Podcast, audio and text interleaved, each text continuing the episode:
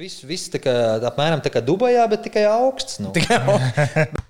Bija kaut kāda tuneļos, jā, par to. Tunelī salēcāmies, tur bija kāda 5 pret 5, tur nu, tāda klopa bija. Tur, tā. Tie, kas man sācis atvērt spēlēt? Nē, tev nē. Es sāku vispār. VF podkāstu sastāvā, man liekas, epizode. Edgars Barbaks, Rudolf Kungrāns un šodien ar mums kopā Jānis Blūms. Čau, Jāni. Čau. Uh, prieks tevi redzēt šeit, uh, VF podkāstā. Varbūt tas sākumā, pirms mēs runājam par basketbolu, nu, tāds jautājums, nu, tu esi viens no tiem, kas tādiem Latvijā redzamiem cilvēkiem, kas izslimoja koronu. Drošākais podkāsts, jo pirmais cilvēks ar antivielām šeit. Jā, jā. antivielas ir. Jā. Kā bija? Nu, kā, kāda pieredze, kā vispār, nezinu, jo, piemēram, skatoties kaut kādu Eirolandes spēli, pa brīdim, ko komentētājs saka, jā, nu, tur varbūt tās, ka Himka spēlē tur mazliet sliktāk nekā varētu, tāpēc, ka arī liela daļa komandas izslimoja. Kā ir sportistam pēc uh, koronas, var just pēc tam sākot trenēties kaut kādas uh, blaknes vai kad grūtāk? Un... Nu, manā gadījumā tas, ka pirmās četras dienas man bija grūti, bet uh, tad pēc kaut kādā piektā dienā es sāku zumā divas treniņus taisīt, un to man nevajadzēja darīt.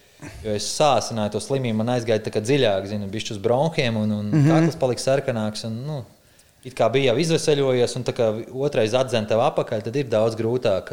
Nu, pašam psiholoģiski, un arī zinu, ka tu tur viens esi kaut kur Itālijā, vēl tas Covid, un nu, tad, tad bija grūtāk, ka tu iedzen tādu otro tādu vilnu. Uh, nu jā, pirmās, pirmās četras dienas bija grūtāk, jo tur sāpēja mugura un bija temperatūra. Uh, un tā, tā kā, Uh, nu jā, un pēc, pēc tam, kad sāka trenēties, tad vēl sliktāk palika. Nu, sliktāk, tāpēc, ka sākās bronhas kaut kas un tā. Un, un, jā, un tā, vajadzēja kaut pāris dienas ilgāk paveseļoties, jo citi sāka ātrāk trenēties un bija jau ātrāk negatīvi. Tā kā man bija bišķi ilgāk bija. Un tāpēc arī pēc tam es pateicu, nu, ka man vajadzēs vēl vienu pre-season mazo, jo es uzreiz ne, neiešu simtprocentīgi. Tā arī bija. Es to pirmo nedēļu notrenējos kaut kādā 80% visu laiku treneris kontrolēja to to pulsu, un uh, kompjuters bija priekšā, nu, tas iPods bija priekšā.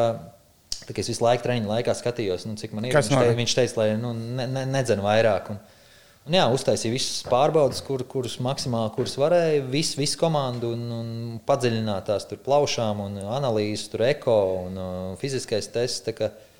Tā kā, nu jā, tagad, tagad, tagad jūtos labi, ļoti labi izslimots ir un, un, un, un, un, un neko tā laikam ir tagad eh, tajā pasaulē. Ir, un sevišķi sportā, ja, ja viens saslims, tad nu, baigi, baigi grūti komandai izolēties, lai kāds cits nesaslimtu. Mums saslim viens džeks pirmdien un pēc tam visu komandu sestdien. Tas ir. Eh, pilnīgi visiem arī bija pozitīvi. Jā, jā pilnīgi visiem bija pozitīvs. Jā, un uh, vis, vis, visiem bija pozitīvs un arī pēc tam, pēc pāris dienām arī visiem treneriem izslimoja viss. Varbūt, nu, tas var būt labi, ka visi izslimoja. Tad uzreiz pēc tam viss varēja sākt trenēties. Labāk droši vien vienlaicīgi, ja to ir izdarīt komandā. Kā Itālijā tur attiecās, nu, Itālijā noteikti nu, ne, nedevuši nekādus tehniskos zaudējumus, vienkārši pārcēlīja spēles. Jā. Pārcēlīja spēles, jā, bet nu, tā federācija jau nežēloja. Zini, kā es negatīvs, tā apmēram tev pēc trijām dienām jā. jāspēlē. Tā reāli, nu, man 3, 8 gados, lai es pēc trim nedēļām uzreiz spēlētu, Jā. kad tu esi nogulējis apmēram mājās uz dīvāna, jo nu, cik tur divas latviešu grāmatas man bija līdzi, kuras es ātri izlasīju. Divreiz paspēju izlasīt. jā, jā, jā, un pēc tam skatījos Netflixā, mm. vienkārši tur viss vis pēc kārtas. Nu, un, uh, Pilnīgi tagad vēl acis sūž no tā, tā kompjutera vai kā nu, tās bezdarbības, jo reāli tu nevari iziet arī visu laiku kontrolēt, policija apmēram zina, visu laiku to ielu braukā, jo viņi zināja, ka mēs esam slimi. Nu, basketbolisti tomēr tur, tad, tur baigi bija. Bet, nu, es jau kaut kādā desmit dien, dienā sāku lavīties ārā, uzliku kapuci, lai vismaz bišķi paiet, nu, paietos, jā, pa svaigu gaisu. Bet es zinu, ka Latvijā tie ierobežojumi nosacīti vēl ir uh, maigi. Nu, tu esi padzīvojis nu, tur. Maigi, jā, jo Itālijā daudz cilvēku pazaudēja tuvinieks martā, un viņi tomēr saprot, ka tas ir nopietni. Un, Viņi arī uzvelk to, to masku, vienmēr ir dezinficējušies. Arī, nu, ja tur kafejnīca vai restorāns strādā, tad tur viss nu, tā profesionāli zina, tur iet ar distanci. Viņi ļoti ievēro. Jā.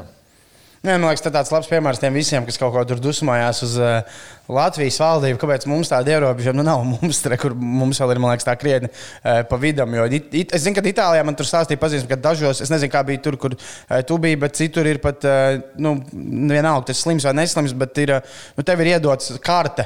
Kur tu drīkst iet? Jā, jā, jā. Un tad tev jāaptur policija. Arī pa reģioniem ir. Tur viņi atzīmē, tur sarkanais reģions, tas ir trakākais, tad tur ir oranžais, laikam, vai dzeltenais. Tad tur tā, e, mēs jau arī nevarējām. Nevarējām no reģiona uz reģionu mhm. pārbraukt. Mm. Es biju sarkanajā reģionā, es nevaru aizbraukt tur kaut kur tuvāk Milānai vai kur vienreiz es aizmaucu, aizmaucu uz outletu. lai tur nopirktu Ziemassvētku dāvanas pirms braukšanas šurp. Es nevarēju it kā braukt. Es tur skatos, ieeja outletā, tur divi, divi poliči tur iet un skatās apmēram. Ah, Es jā. kā viņi nāktājs ieeja veikalā, zinu, kaut ko tur skatos. Un, un arī parkingā, kad es uh, piebraucu pie outleta, nē, kad es gāju projām, tad tur menti visu laiku nu, kā kontrolē, kas tur notiek. Kad viņi aizbrauc uz to galu, es iesēdošu mašīnā, braucu brau, brau, braucu projām. Jā, tā kā, jā, nu, tā kā visur tas eh, šobrīd ir. Un, jā, Lietuva arī laikam tagad, ja no pilsētas uz pilsētu vairs nevar pārbraukt Lietuvā. Nu, kaut kādām pilsētām arī. Bet, eh, jā, bet sezona tev Itālijā ir tur beigušās attiecības. Jā? Jā. Eh, Kāds ir eh, nu, iemesls, cik saprotu, ir apusēja tā vienošanās? Bija... Jā, pusē, jā, jā. Nu, jo, jo līdz Covidam viss bija labi, es to lomu biju pieņēmis. Arī tur daudz nespēlēju, 5-7 minūtes. Un, un, 7,5 jā, jā, precīzi. un, uh, un, uh, un pirmssezonā es daudz spēlēju superkausā, bet tad vēl nebija ārzemnieki atbraukuši. Bet, nu, principā man bija tāda loma, un, bet, bet tu redzi, ka tu esi labā formā un nevienu treniņu neesi izlaidis teiksim, no 1. augusta līdz uh, 3. novembrim, kas saslim. Un treniņos labi izskaties, zinu, un, un, un ka tev nedod tādu, nu, it kā jau, it kā jau tu samierinies, ja, bet no otras puses tev tās sportiskās ambīcijas ir un man vienmēr bijušas. tā ka Tu redzi, ka tu vari tajā Itālijas A sērijā spēlēt, un gribās vismaz, nu, ka tu esi tās septiņas minūtes laukumā, tad vismaz, lai uzstājas kāds trīs staigars uz maniem, lai es varu uzmest. Ja. bet tā, ka nu, man apmēram jāgaida stūrī, ka es dabūšu, nu, tā arī nē. Un tomēr arī gribu uzspēlēt pikēnu, kurus labi spēlēju, var iedot. Bet, nu, tāda bija, tas, tāda bija tur tā situācija. Tā kā, jā, un pēc tam Covid, viss tur samainījās. Viens centrs dabūja eh, traumu. Līdz sezonas beigām viņš izkrita afrikāņu. Viņš bija kā sep- septītais ārzemnieks, es kā sestais. Tad klubām bija jāsāk kaut kas domāt. Tad viņi vēl divas spēles zaudēja. Un, un tad, tad nāca pie maniem un teica, nu, ka varbūt mēs kaut ko varam vienoties. Nu, Es arī sapratu, nu, ka pēc tā Covid ir tādas emocijas, mm -hmm. tā psiholoģijas, tas, tas, viss tas, tas, tas, tas, tas slimība un viss, ka tu esi viens Itālijā, arī nekur tu nevari aizbraukt tā un tā. Tad mēs sanācām, ka mēs labi vienojāmies arī no, no, no, teiksim, no finansiālā aspekta. Un, un, un tā, tā kā es tur baigās zaudētais, neesmu. Un, un, un pat labāk, es tagad mierīgi Latvijā. Ar Ziemassvētku jaunais gads un tādām jaunām emocijām var skatīties varbūt nākotnē. Bet, jā, Tieši tā, piedod, bet tu daudz samulsināji uzreiz pēc tam ar to Valmīras krēklu. Nē, es, es, es biju pagājušajā gadā, pagājušajā gadā uz Amoliņa atvadu spēli. un mēs Starp citu, kas fantastiski norganizēta bija. Jā, jā, Pilna valme. fantastisks, ideāli. Jā, jā, ļoti labi. Es vēl pēc tam biju tajā afterpartijā. Jo mēs kādreiz ar Sandu vienu, vienu gadu dzīvojām vienā dzīvoklī, nu, ar, ar, ar, ar Nelaiķu Cekulu un, un Vītiņu no Valmieras, kā nu, junioru izlasē. Un, un, un, bija jāizbrauc uz viņu pēdējo spēli, es nopirku viņu krēslu, un tad es svaru zālē uzvilku viņu krēslu speciāli ieliku, lai nu, zinu, Jā, tur- naudas atcepās. Sācis arī, bet uh, citas vispār Latvijā šī lieta ir jādara. Visi domāja, ai, ko tur, kāpēc. Atvadu spēles Latvijā reāli strādā. Jo gadu pirms tam Baltijas līgā viens no lielākajiem notikumiem bija Jūrmālas uzorganizētā. Kambala atvadu spēle. Un labi, Valmjerā vienmēr ir daudz fani, bet tur es pats nebiju. Man tur čomi no Rīgas bija un teica, ka uz Sāndamola atvadu spēle arī nu, bija pārbāzts Olimpiskais centrs. tā kā- Vajag labā Jā, spēlē. jātaisa šīs atvadas, jā, jā, jā, jāciena tie, kas man ir. sācis atvadu spēlētāji. Nē, tev nē. Es saku, vispār. Tev es tieši gribēju prasīt. eh, Nu, kaut kur kaut kādās intervijās ir izskanējis, eh, ka tu tur skaties, piemēram, kad varētu februārī palīdzēt Latvijas izlasē. Bet kāds ir vispār? Tagad, labi, sākas Ziemassvētku jaunais gads. Kāds plāns uh, sezonai, kur, kur meklēt, ko domāt? Vai šobrīd tā Nē, man pāri jau apmēram, kad uh, tur internetā ielika, kad es um, beidzu attiecības ar Itālijā, man jau bija apmēram no divām valstīm piedāvāja uh, nu, darboties arī basketbolā, nu, ārzemēs.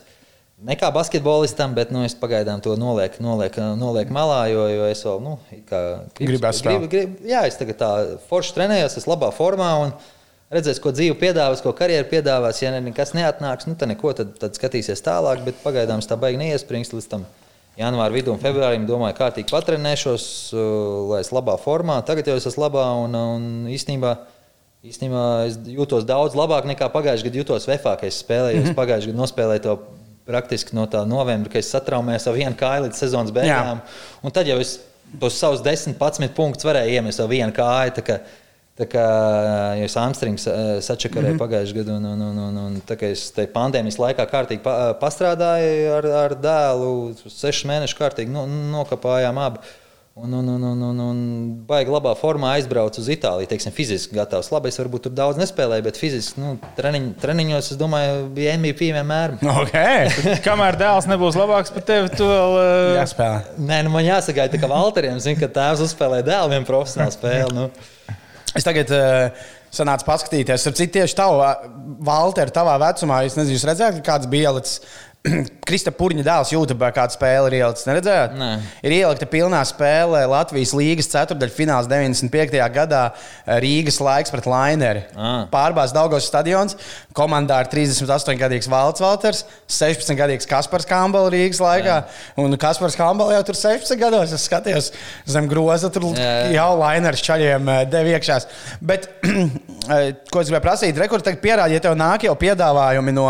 Uh, nu, no dažādu valstu klubiem kaut ko ārpus spēlēšanas, basketbolā darīt. Nu, tā ir taisnība. Mums viens tās bijušais kolēģis aizkadrā gan teica, ka, nu, nu Jāņa Blūms, tas uh, vārds Eiropā, tu esi pa tiem gadiem daudz kur esot. Nu, tavs vārds laikam. Diezgan skaitās un kotējās. Tu pats tā jūti, ka tevi tā kā Nu, es domāju, ka pēdējos prece. kāds piecus līgumus tikai es dēļ vārdu dabūju. Es tā domāju. Nu. Jo, jo, jo pāris gadus atpakaļ es atnācu uz VF, es jau domāju, nu, apmēram, zinu, man, es jau pieredzu, ka, es, ka man noraksta jau no desmit, apmēram desmit gadus, jau, ka es esmu ticis, neko nevaru izdarīt. Ja?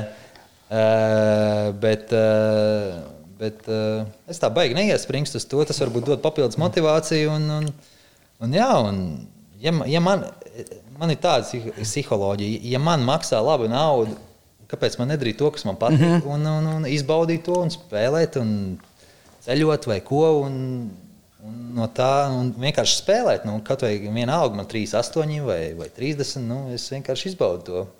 Tas, eh, jo es, es nemelošu, man pašam arī likās, nu, tā, kad eh, tās bija tā pirmā pievienošanās VFam. Kad nu, bija, nu, tad likās, nu, tā kā, ok, Jānis ir atbraucis VF. Es biju ne... top 3 skorēs VTB līgā Nē. aiz, Langforda un Dekola. Nu. Viņam man piedāvā aizbraukt atkal uz Zītā, uz ATB līniju Spāniju 36 gados. Jā. Un par labu nav. Nu, kāpēc man nebraukt? Jā, jā, es toreiz saku, jo man liekas, nu, ka viņš vēl kāds 3, 4 gadus spēlēs VF un pum, Tas Zaragos. man Un... bija pašam pārsteigums, jo tā man bija man liekas, praktiski labākā karjeras sezona. Nu, individuāli arī komandai. Jā, jā, tā, tā bija.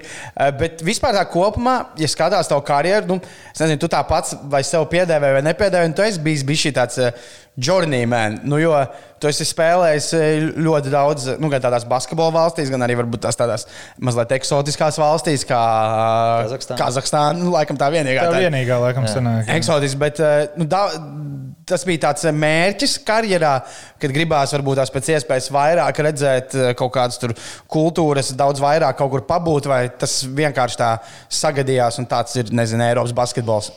Nu, sagadījās tā īstenībā. Ir, nu, tā jau tomēr ir ilga karjera, cik 22 gadi pašlaik, nu, 22 gads profesionāli. un Tas nu, jā, nevar nospēlēt. Tu vienā valstī sanāca kaut kādas astoņas valstis. Nu, un, uh, un, nu, jā, es no katras valsts arī kaut ko paņēmu. Es ne tikai spēlēju tur, bet arī nu, mēģinu dzīvot tā kā tās valsts pilsonis. Ja es spēlēju Itālijā, tad mēģinu izbaudīt ēdienu, tur aps, apskatīt smukākās vietas. Tur Tu neesi no tiem, kas spēlēju sēž, Grieķijā. Arī vienmēr brīvdienās. Ja, Uh, vienmēr mēģinu kaut kur ģimeni aizvest, ja viņi dzīvo ar maniem pēdējos pāris gadus, nedzīvoju. Jo, pu- nu, jo viss, viss darbība viņiem notiek Latvijā, bet nu, viņi visu laiku ceļoja. Mm. -hmm. Pie maniem tas viņiem bija notikums, tur visās brīvdienās braukt pie maniem un, un kaut kādos brīvlaikos un tā. Un, un, un, un, jā, un tad ir izlases logs, tad var atbraukt uz Latviju un tā. Un, tā kā, tā kā, jā, tā karjera tāda interesanta un ir diezgan ātri paiet. Jā. Paiet ātri, jau Nu, jā, tad jā. liekas, ka 20 gadu atpakaļ tu vēl spēlēji tur uz konto vai bročos. Un, tagad jau apmēram 20 gadi pagājuši. Un pirms desmit gadiem jau sāka par atvadu spēli. Jā, jā pirms desmit gadiem apmēram atvedu spēlē, tur izlasē. bet, bet rekurss tam te, rekurss Jāgram sanāca šogad nospēlēt atkal vienu spēli. Tajā komandā, kas viņam pieder. Jāgram šobrīd oficiāli 33. profesionālā jā. sezona. Tikko tiekties man, nu tā kā vēl daudz gadu priekšā? Sapratu, mums ir jautājums eh, par to, es spēlēju Parmā. Eh, Šis tāds tā kā. Nu, es ticu, ka arī tās krievu presa neklausīsies šo podkāstu, bet uh, mums viens no VF darbiniekiem mums bija tāds um, sižets par gardrobēm VFam. Jā. Un tad mums tur minēja, ka tā atceroties VTB līnijas laiks VFam, viņš teica, ka eh, nu, Parma un Sarātova tīri kā pilsētas. Viņš teica, nu, grūti, lai būtu kaut kādai pilsētai izdarīt, lai viņam vairāk nepatiktu. Uh, tieši kā pilsēta, kaut kāda attieksme pret viesu komandu zālē, kā viņš atcerējās Parmu un Sarāto. Nu, Es, nevaru, nē, nē, es nepiekrītu tam, jo man, es Parmā ļoti izbaudīju, man ļoti patika. Uh, arī toreiz, kad mēs ar VF aizbraucām, tā 16. gadā uz Pārmu, tur bija pat augļi, augļi atnesti uz, uz ģērbtu. un Tā ģērbtu bija liela, silta. Labi, zāle bija tā kā vecā sporta pilsēta, augsts, viss, ja, bet, uh, bet nē, tur ļoti laipni cilvēki klubā strādā. Tur labs dzīvoklis, tev dod mašīnu, tur labi restorāni, kur tu trīsreiz lētāk paēdi nekā Latvijā. Aizies uz steakhouse, tur nezinu, 10 eiro. Aizies grūziņu restorānu, labi, tur ne, arī 10 eiro. Nu, tā kā, tā kā, kā varbūt tas bija tāds maldīgs priekšstats. Ļoti labi. Tur arī ir ko, ir ko apskatīt. Tur aizbraukt uz klosteru. Tur viena no slavenākajiem Krievijā, Belagorskija monastīra, viņa saucās. Tad ir sāla salām. Es ar tur paceļu aizgāju. Pērmā ir viena no slavenākajām operām pasaulē. Mm -hmm. Mēs ar sievu bijām trīs reizes tur un, un, un bērniem. Es vēl viens pats aizgāju, viens pats aizgāju uz Gulbi ezeru. es domāju, tā, es domāju, tāda iespēja man, ka es esmu Pērmā. Man toreiz bija sieva Latvijā ar bērniem. Es domāju, nu, es skatos, o, repertuārā ir Gulbi ezers. Domāju, baļāns, nu noteikti. Tā varbūt nu, tāda, nezinu, vai būs tāda iespēja vēl dzīvē. Tāds cilvēks, man liekas, Krievi, birojā šeit nav bijis. Kurš Krievijā aiziet uz operu, Gulbi ezers, tad mēs bijām uz Zoluško, kas, nu, pelnušķīt, laikam, Zoluško. Jā. jā, jā, uz to bijām ar bērniem. Nu, fantastiski, fantastiski, jā. Ah, nu, re, Tur arī viena no labākajiem Krievijas līdzjutējiem esot. Jā, jā, jā, To jā. Pērmā parasti ir 5-6 tūkstoši, jau viss zāle pārpildīta, bet CCS kā tu biļets jau nevar dabūt nedēļu iepriekš. Ne, to gadu līdzekļu, labi, to varēja pat kaut kā jūs tagad sanāca pastīties um, Astenas spēli, nu, kur es paskatos, ja jā. Latviešu spēlē. Tur tagad cik tur tie 15% zāles Jā, jā, jā. var būt, bet viņi Jā, skaļi visu spēli. Tur, Arī tur baro pēc tā nekad nebija bijis, ka pēc katra treniņa tev baro. Nu, Pavēlti. Klubs tā kā nodrošina ēšanu. Nu, tu aizej pāri ielai, restorānā, pēc treniņa pāri, un pēc tam iesēdies mašīnā, brauc mājās. Tev no mājās tur jādomā par ēšanu vai kaut kur jābrauc uz restorānu. Nu, Kur ir bijuši labākie apstākļi? Ā, tā labākie apstākļi, nu, noteikti Bilbao vai Pantnaikosā. Nu. Nu, tās ir milzīgi. Bet uh, par šīm. Uh, Tā kā Krievija, bet ir kaut kādas, varbūt tās komandas, nu, uh, nu jau, piemēram, nu, tur bija tieši konkrēts stāsts par Sarāto. Bija, nu, stāsts, nu, Sarāta vai tās ģērbtos, ir tādas, tādas. Jā, tur teica, tur hokeja komandas formas stāvot. Un, Sa- Sarāta, Sarātavā bija tā, ka mums bija treniņš. Treniņš, jā, un tur bija laikam tā hokeja zāle. Jā. Un vienam mēlam nenormāli vajag uz to, lai viņš nevis skan uz ģērbtu, bet viņš aiziet tur tā sniegā. Tur kaut kur Tāpat aiz tribīnēm sniegā sarātā un vienkārši nu, nokārtojas. Nu jā, zālē, zālē. Jo bija tur tās tribīnes uzlikts tā uz, uz, uz tā ledus. Un, un Viņš tā smuki, nu, tā kā, tā kā Rīgā apmēram ir arēnā. Tev ir tur jā, jā. Aiziet tur kaut kur malā, tur aiz tiem groziem, kaut kur tur. Tur ir zeltainais sniegs. Zeltainais sniegs. Bet vēl mazliet par VTB. un Pirms mēs, mēs noteikti parunāsim arī par, mums vajag par Lietuvu, par derbijiem, kuros tas daudz spēlēs parunāt. Bet Kazahstānā, kā Kazahstānā, pirmkārt, pirmais jautājums par Kazahstānu. Kā ir spēlēt tajā velo trekā, kur ir uh, metri daudz? Ir nezinu, kaut nu, tas man bija lielākais līgums manā karjerā. Astoņi, jā? Jā, un ā, nu, nu, tur maksāja nu, trīs reizes vairāk nekā Eiropā. Nu, es aizbraucu, aizbraucu vēl uzspēju tajā laikā. Nu, teiksim, nu, arī zinu, tur var spēlēt, bet nu, arī kaut kas jānopelna bija. Un, nu, aizbraucu tur un ļoti patīk. Bija privātais šofers, kuru vēl- kurš man vēl tagad ar Dienāmo hokeja komandu sūta medu. Nā, no viena. No, no Altais kalniem. tas bija sižetā, jums jā, bija- Jā, no Altais kalniem, jā. Uh, Es ar viņu šeit sazvanos arī, un, un, un privātais šofers, labs uh, dzīvoklis pie Baltānām, pie Nursultāna Nazarbājā, tās rezidents. Jā. Pie tur Domiņas ķers, tur, kur ministri visi dzīvoja, izcils dzīvoklis bija. Un, un vispār nevar sūdzēties. Man bija savs personīgais treneris līdz Kristaps Zeits. Jā, pareizi. Kas viņam bija arī kā, nu, kā, kā karjeras kā sākums. nu, Viņam, un, zinu, viņš arī no daudziem viņam atļāva arī piedalīties treniņos. Viņš palika tur ar, kad mēs bijām projām, palika ar traumētiem spēlētājiem vai ar jauniem tur strādāt. un Viņam par to nemaksāja. Es viņam maksāju, nu, algu. Jā. Bet, bet, Varēja atļauties tajā jā, laikā. jā, jā, jā, un, un, un, un, jā, viņam ir tā karjeras tāds atspēriens, pat tagad ir Sarātovā. Sarātovā. Sarātovā un es nešaubos, ka būs drīz galvenais treneris Sarātovā. Jā, es, nu, tieši tagad, nu, es arī pazīstu Kristapu. un Tieši, nu, man liekas, Sarā, viņš tagad ir VTB jauniešu līgas Sarātovs. Nu, Sarātova divi galvenais treneris. Un Sārāta, man liekas, ir laba lieta, kur būt tās jauniešu komandas treneris, jo tur tos galvenās komandas treneris baigi regulāri atlaiž. Nu, jā, tur tagad ik pa- viņš gatavo, gatavo jā. Viņš var tur ļoti labi Nē, tikt. nē izcili. Man patīk astoņi ļoti. Vai tas bija šoferis, tā šoferis viss tajā Jā, laikā? varēja iet tur viss, viss tā kā, apmēram tā kā Dubajā, bet tikai augsts. Nu. Bet tā šoferis uz to sezonu, tā šoferim viņam nebija cita darba. Viņš bija tavs šoferis vai viņš Viņš tur bija, viņš, bija, viņš bija mans šofers, jā, viņam klubs tā kā maksāja, un, uh, un es viņam devu vēl benzīnu, un šeit tad es ied- iedevu kādu čajā viņam nu, kaut ko tur. Jā, cīm, ar, tā kā nav baigi grūti. Nu, tā kā nav grūtākais darbs pasaulē. Nu. Nē, Vadāt. nē, es viņu arī šeit laidu, laidu nu, vienkārši viņš atbrauca, aizved mani citreiz uz kādu restorānu, tad viņš gaidīja, bet citreiz viņu palaida mājās, jo aizgāja kājām uz mājām. Vienreiz bija tā, ka viņš man netālu no mājām izlaiž kāds divas, trīs minūtes, nu, tur tāds uh, steakhouse aizēja, zēja daba aizējām, un, uh, un ārā bija kaut mīnus 40. Bet, nu, tā, ka, nu, ķipa var izturēt, divas biks. Es tagad zinu, pārādām, es šoferim teicu, nu, ej mājās, tur divas minūtes mums jāiet, mēs jau viņam aiziesim. Un tagad, uh, tagad uh, mēs pēdām, ja es skatos, kaut kāda 43 jau rāda, bet, nu, feels like minus 53. nu, minus 53. Tad tomēr tas- vējā, jā, es tagad aiz, nu, izēju ārā, nu, tā vienkārši tāds dubaks, nu, tik augsts. Nu, tad Tādā ātrā skrējienā aizskrēja aizskrē, aizskrē tur divas minūtes, un tagad ienāca tajā poģizā un skatos, man tāda divi bumbuļi, tāda liela, tāda, no tā augstuma. Ai, no bija? Wow. Jā, jā, jā. Es nekad to neesmu izbaudījis. Tad sarkana tāda. Neko uzbrauc augšā, tad jau kaut kā at, atgāja. Bet Tad nožēlo, ka palaid mājās. Baigais augstums bija. jā. Nē, bet klausoties, tomēr man liekas, Jāņa Blūma šoferim nav tas eh, vieglākais darbs. Ja citi tad tur treniņš spēle mājas, tev vēl uz klosteru vajag aizvest vēl kaut kur Nē, apskatīt. klosters bija Permā, tur es pats braucu. Jā, bet nu, tur jau var droši vien kaut ko apskatīties arī Kazahstānā.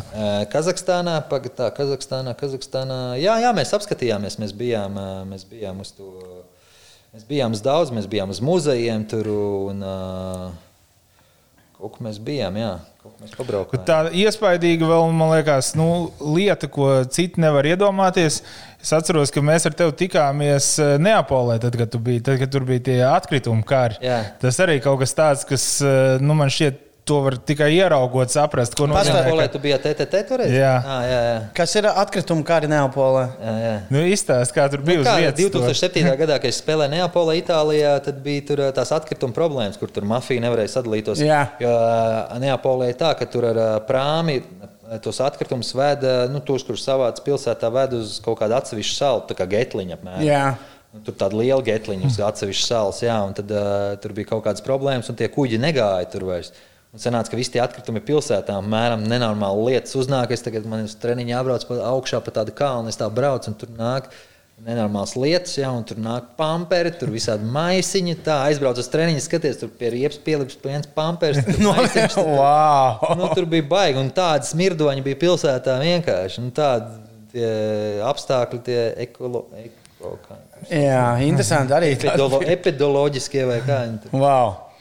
Bet, eh, bet tas ir laikam tā spēlētāja kaut kāda izvēle. Kādu vispār spēlējies? Daudz ir tādi viesspēlētāji kā tu, kas cenšas izbaudīt to kultūru. Bet ir jau, man liekas, arī pietiekami daudz basketbola spēlētāju, kas aizbrauc uz Grieķiju vai vienalga, uz kurien spēlēt. Tagad, jā, mūsu modernajā pasaulē ir tas telefons. Nu, Visi nu, brīvdienā nosēž visi pie tā telefona. Es nevaru. Es teiksim, Itālijā katru nu, teiksim, man rīts ir brīvs. Es visas pieceļos deviņos, es aizēju uz vietējo kaut kādu gaļas veikalu, nopērku pusdienas jau. Kaut kāda nezinu, lazāņa vai kaut kāds makrons vai, kaut- vai, vai, vai kaut kāda gaļa. Tur. Zinu, aizēju uz to gaļas veikalu, atnāk mājās, un tad es aizēju uz kafejnīcu, pasēžu saulītē, padzeru kādu kafiju, kādu stundu, divas, bišķi pastaigāju pa centru, tad nāku mājās, bišķi atpūšos, uztaisu kaut kādas pusdienas, un tad jau vakar treniņš. Nu, tā brīvdienā kaut kur aizbraucu uz kaut kādu, nezinu, Veronu un Boloņu, bet nu, tagad viss bija ciet. Tagad Jā. pēdējos divus mēnešus neko tur nevarēja baigi braukt. Nu jā, tā kā tiešām man, man liekas, ka jauniem basketbolistiem ir jāklausās un ir jāizmanto. Nu, šit, nu, kā tu vari padzīvot tik daudz valstīs, un, tā jā, kā, arī tevis to ievēroju. Arī pirms šīs intervijas noskatījos šo sižetu, kur pie tevis bija Grieķijā. Ah. Tur jau arī tu tur iegāji kaut kādā arī vietējā dārzeņa kafijas veikalā. Tev jau tajā kafijas veikalā tur pazina. Jā, jā, Sveicinājums tā- dārzeņa Tā ir veikalā. tā kultūra, ko tu paņem. Un... Nu, tā arī tur Grieķijā jā, kaut kādas kafejnīcas atrod vai ko. Un, un, un, ja tur mājās sēdēt visu dienu telefonā, tad tev pirmkārt sprāda aizies ciet, acis būs beigts un tur neko neiegūs. Nu, tā tāda tā degradācija, nu, man, manuprāt, nu, tomēr. Nu, tu jau vari to telefonu, bet nu, mēra. Nu, jā. okay, tad nākamā lielā tēma, par ko vajadzētu šodien par. Eh, ar tevi noteikti varētu būt interesanti runāt. Mums šo sezonu kaut kā ir sanācis, tāpēc, ka skatītāji nevar nākt uz spēlēm. Ir sanācis daudz runāt par kaut kādiem kā, atcerēties laikus, kad skatītāji apmeklēja sporta, kaut kādus derbijus. Um, arī mazliet atcerēties Latvijas derbijas, kas kādreiz bija pilnāki, tagad varbūt kādreiz mazāk pilnāki vai Fanspils. Tu esi spēlējis nu, tādos padaudz eh, klubos, ka nu, tu esi Lietuvas rītas, Žāgers derbijas, tavā, eh, tev ir arī Basku derbijas, eh, Jā. un ir, protams, viens no slavenākajiem Eiropas derbijiem - Olimpijākos kā sāksim ar rītas, jo rītas šogad ir aktuāli Vefam. Šo podkāstu palaidīs pēc spēles otrās. Ja? Būs jau nospēlēts divas spēles. Kas ir Lietuvā Rīta Žalgeris? Nu, tā, tā ir īpašākā spēle no visām spēlēm uh, sezonā, vienalga, vai tas ir Baltijas līgā, Latvijas fuj, Lietuvas līgā. Kā, kas ir Rīta Žalgeris? Tā, Pirmkārt, jāsaprot tas, ka uh, Lietuvā ir nu, tikai basketbols. Nu, un, uh, un, uh, man zvana laikam, jā, bet nekas. Uh, nu, tikai basketbols, un visi, visi vecāki bērni ved uz basketbolu. Mm -hmm. Viņiem nav citu otrais sporta veids, tur tikai basīcija. Nu, vismaz Jā. džekiem. Nu, meitenei var būt savādāk. Un otrkārt, viņam, Meitene peldēšana. Viņam ir tā kā, tā kā Spānijā, tur ir ka, ka, katram līdzutējam vai nu Barcelona vai Madrid, jā, nu, kur, pa kuru komandu es. Nu, Lietuvā tāpat, vai tu esi vai nu par Rītas vai nu par Žalgieri. Mm -hmm. nu, es biju, jā, man sanāca divus gadus uzspēlēt Rītas. Tur sanāca 2006. un 2007. un tad sanāca laikam 12. 13. Jā. Kā, nu, es izbaudīju ļoti, jo, jo nu, Tur katram ir savs, katrs grib būt lietuvietis, grib būt treneris pirmkārt. Jā, katram ir savs viedoklis. Jau ir pie tevis ar treneris. Nenormāls pressures ir tur spēlēt. Bet jo, tur ir jā, tur ir pressures, jā, jo visu laiku zin, tur brauc pa, pa pilsētu, tev iedošu kodu un vēl vārdu uzrakst. Nu, zin, pirmkārt, nevar nekur tur noteikums pārkāpt. No nu, tā citreiz pēc, ne, pēc uh, sliktas spēles es braucu uz sievas mašīnas. Ne, es, Lai ne, neatpazīstu. Jā, jā, es ne, nebraucu ar kodu. Jā, jā, jā. Pēc normālas spēles viss te varēja braukt. un, jā, un tu, tie derbi ir iespaidīgi. Zini, tur žāģis, žal... ah, tad bija vēl vecā, vecā. zāle. Vecā zāle bija, jā. Uh, jā, viena derbija mēs vienu čempionu dabūjām Baltijas kausā. Rīgā izcīnījām. Jā, jā Rīgā izcīnījām, vinējām finālā žāģi. Uh, Un uh, zaudējām Lietuvas, tajā tur bijām uh, ULEB kausa finālā pret Madrides Reāli. Zaudējām, bet dabūjām vietu Eirolīgā pa to finālu. Un, bija, bija labs gads tas tur. Otrs gads, kad es aizgāju, man nevajadzēja iet atpakaļ no Spānijas uz, no. uz Rītas. Tas, tas varbūt man karjerā varbūt uz to lēmumu nepareizi pieņēma, jo man bija baigi labs vārds Spānijā vajadzēja palikt mm -hmm. Spānijā. Man nevajadzēja, kā es domāju, būs tuvāk mājām, Eirolīga, bet bija tas smags gads, jo bija baigi daudz jauniešu. Un mēs tā Eirolandā nenostartējām tik labi, un Lietuvas līnija arī nevinējām žāģeri finālā. Tā kā, tā kā tas gads bija tāds nevisai. Bet kā, kā tajā laikā kotējās, eh, nu, ja es tieši ar skatījos, jūs tajā 2007. gadā uzvarējāt. Eh, Baltijas līniju un zaudējāt Lietuvas līniju. Nu, protams, ka būtu labāk Lietuvas līnija. Otrādi, tu mainītu, jebkurš šeit. Nu, jebkurā gadījumā viss bija priecīgi, jo mēs finālā vinējām žāģi un dabūjām Baltijas kausu. Tagad mēs bijām. Nu, Baltijā pirmā komanda. Nu jā, taisnība. Nu es atceros, ka tas bija arī diezgan arēna. Bija, bija jā, daudz. Jā, jā, pusfinālā mēs Vēnspilsnu vinējām. ASK bija ar, ar, ar ASK. Man liekas, bija. man liekas, ka nebija pat šauļi. Varbūt šauļi. Man liekas, jā. ka toreiz vēl tad ASK tikai formējās vienu gadu. Atceros, tas bija jā. apakaļ diezgan. Bet jā, un nu jā, pēc rītas, tu, kad devies uz Spāniju, tad es gribētu Spānija bija tāds nu, ilgākais. Eh, nu jā, četri vien... gadi vienā klubā Spānijā ārzemniekam tas, tas diezgan ir. Nu, tas ir, tas ir daudz. Tas ir daudz. Tur ir Šmits vienīgais, kurš pārspējas tavu spēļu rekordu. Jā, Spānijā. tagad, jā, tagad skatos. ACB līgā? Jā, jā. Pārspējas. Kāds man bija 180 laikam spēles ACB līgā, viņam tagad vairāk ir. Jā. Okay, nu jā, viņam jau viss tās, ka būs vēl diezgan. Jā, jā, jā viņš, tur, viņš arī vietējais spāns skaitās, un viņam tas ir baigais plus. Jā, bet uh, es par to bas, Baskonijas laikiem, nu jā, tas bija ilgākais laiks. Bilbao. Bil, fuj, es atvainojos, es atvainojos, tā var pasēdi dabūt, ja es tur sajaukt. Uh, Bilbao. Uh, četri gadi. Un tur arī nu, tā ļoti veiksmīgi gadi. Jā, jūs... jā, ļoti veiksmīgi. Jā. Tu salīdzinoši arī tu, tur debitēji Eirolandā. Uh, Jā, 29 gadu vecumā. Tādu mazu klubu aizgājām pat tādu nu, superklubu, ne, bet tādu pazīstamu klubu Eiropā. Jo mēs tajos četros gados divreiz bijām Eiropas Final Four. Jā. Tad mēs bijām tā kā ACB līnijas fināls.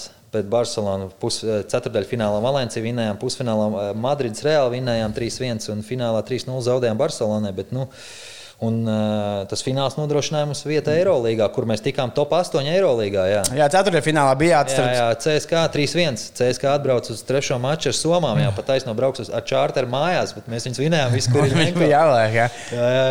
Jūs tu, tu par to arī tāds jautājums, nu, ka, kas toreiz bija tā Bilbao tā panākuma atslēga kaut kāds, nezinu, ilgtermiņš, jā, ka tevi paturēja tur vairākus gadus, tur arī citi spēlētāji.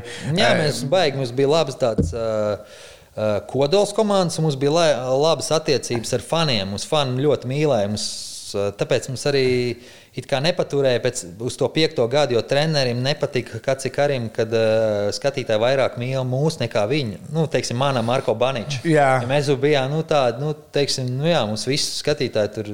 Nu, četri gadi jau. Pat, jā, skatītāji teica, ka neies vairs uz spēlēm, ja mēs nepaliksim. Nu, tā, viņi mūs baigi iemīlēja, jo mēs vienmēr viņiem gājām tur. Uz, pēc nezinu, kaut kādā brīvdienā aizjām mierīgi iedzert kafiju, vai tur vienmēr centrā parunājamies, vai pēc spēlēm tur zini, visiem sadodam autogrāfus, visiem parunājamies. Nu, tā ģimeniski vairāk tas klubs bija tāds. Un uh, ar tas kodols bija labs. Un, jā, un tad, tad, tad, tad mums sanāca četri fantastiski gadi. Jā, man tur arī viss ģimene dzīvoja, un dēls mācījās Amerikāņu skolā Bilbao trīs gadus. Uh, pirmo gadu Spāņu bērngārzā. Jā, mums tur meitiņa ir pieteicās Spānijā. Ļoti, ļoti izbaudījām, daudz apceļojām. Un, mm. Visu to Basku zemi, visu Spāniju. Iemācījāmies spāņu valodu. Tas jau perfekti. Es tā. Tev bija jāspēlē. Bet varētu teikt, ka tie, nu, kā, tie četri gadi, tas Bilbao līdzinājā, es teikšu, līdzinājā karjerā ir tas, kas tev, nu, tādu, tu uzskati to par tādu savu karjeras tādu labāko, nogriez labāko posmu, gan spēli. Viens no labākajiem, jā, noteikti tas, tas, tas, tas, tas pats kalns bija noteikti Panathinaikosākais, nu, ja tur, nezinu, princis kāp kalnā. Par to mēs arī vēl parunāsim, tas, tas, tas bija pirms, pirms tā, pirms, nu, tas, tā, tā kalna virsnotne bija tad varbūt, bet tas bija tāds, nu, nu, es domāju, labs gads un varbūt pēc pēc tiem četriem gadiem man nevajadzēja nākt atpakaļ uz kaut viņu. kur, bet vajadzēja palikt kaut kur, jo tur man unikāhu piedāvāja un, un Valencija. Kā, jā, bet es kaut kā izdomāju, jā, nākt uz rīts. Jā. Jā, nu arī no Eirolandes un blakus jā, mājām. Tas ir jau tāds normāls, tas uh, burkāns galā. Bet jautājums par to, rekurors arī minēja tieši to, es gribēju pajautāt, un to es daudz esmu dzirdējis. Jūs teicāt, tur ļoti draudzīgi runājāties ar faniem, tikāties ar faniem, iedzērāt kafiju. Bet tā ir kaut kāda kultūra, kas vispār vairāk ir meklējama tur Spānijā, Itālijā, kas Latvijā un man liekas, nu, īsti tā nu, nenotiek. Tā, uh, Kaut kā kāda, lai to pasaktu, tāda nu, satikšanās un tāda klātesamība ar faniem kopā. Un to to, kā tev liekas, to ir iespējams latviešu mentalitātē, piemēram, Vēfā, Vēnspilī. Tas ir nē, ieviešams, vai tās ir? Nē, nē, tas nav. Es domāju, ka tas nav, jo tas ir vairākiem dienvidniekiem tā. Viņiem viss tas patīk, zina, tā vēlā ēšana, tur tas. Tas kaf, nu, tu jau arī neej ne, vienkārši uz mītīņu, tāpat nu, satikties, tu ej uz kafiju, nu, let's go for coffee. Nu, tu, uh mhm. -huh. Un tas, tas viņiem ir tā, un es, es to kultūru kaut kā, no, kā jau es teicu iepriekš, es katrā vietā, kur es spēlēju, es mēģināju pieņemt nu, to viņu kultūru un mēģināju dzīvot kā viņi. Un tad es arī izbaudīju to valsti. Zinu, mm -hmm. Spānijā, zinu, tur kaut kur tur mēģināju arī ceļot daudz, un kaut kādās brīvdienās, un paņemt no tās valsts visu maksimālo, ko tu vari. Bet, uh, tas Arī bija no kultūras dzīves, un tā apskatīt visus slavenākos objektus, un izbaudīt viņa ēšanas kultūru, tur, tradīcijas un tā.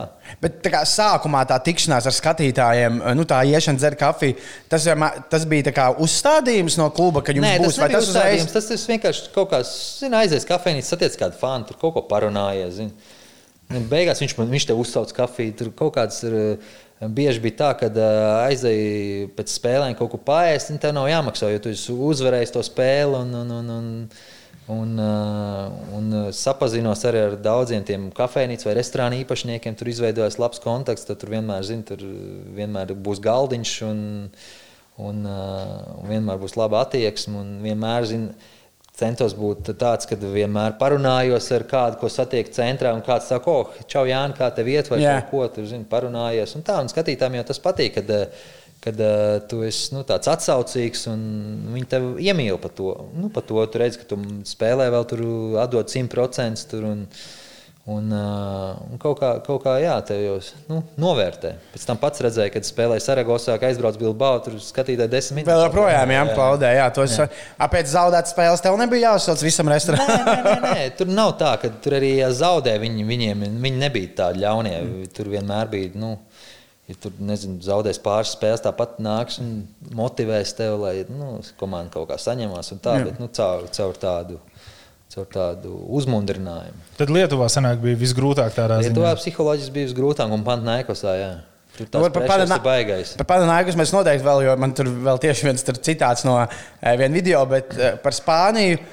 Par to mazliet sezonu, jo nu, kaut kā var tur varbūt vilkt paralēlus, nu, kad līdzīgi kā Bilbao eh, Eirolīgā bija tajā laikā. Nu, Nelielais klubs un ne tas, no kā tur viss. Nu, jums negaidīja ceturdaļu fināla sākoties sezonai. Pilnīgi noteikti. Jūs otrajā kārtā aiz sevis atstājāt Madrids Reāli. Un Unicaja, jā. Un Unikāhā, jā, divas spāņu komandas. Un tagad, nu, VFM jau arī, nu, tomēr tā čempionu līgā mēs runājam ar Rītas fanu.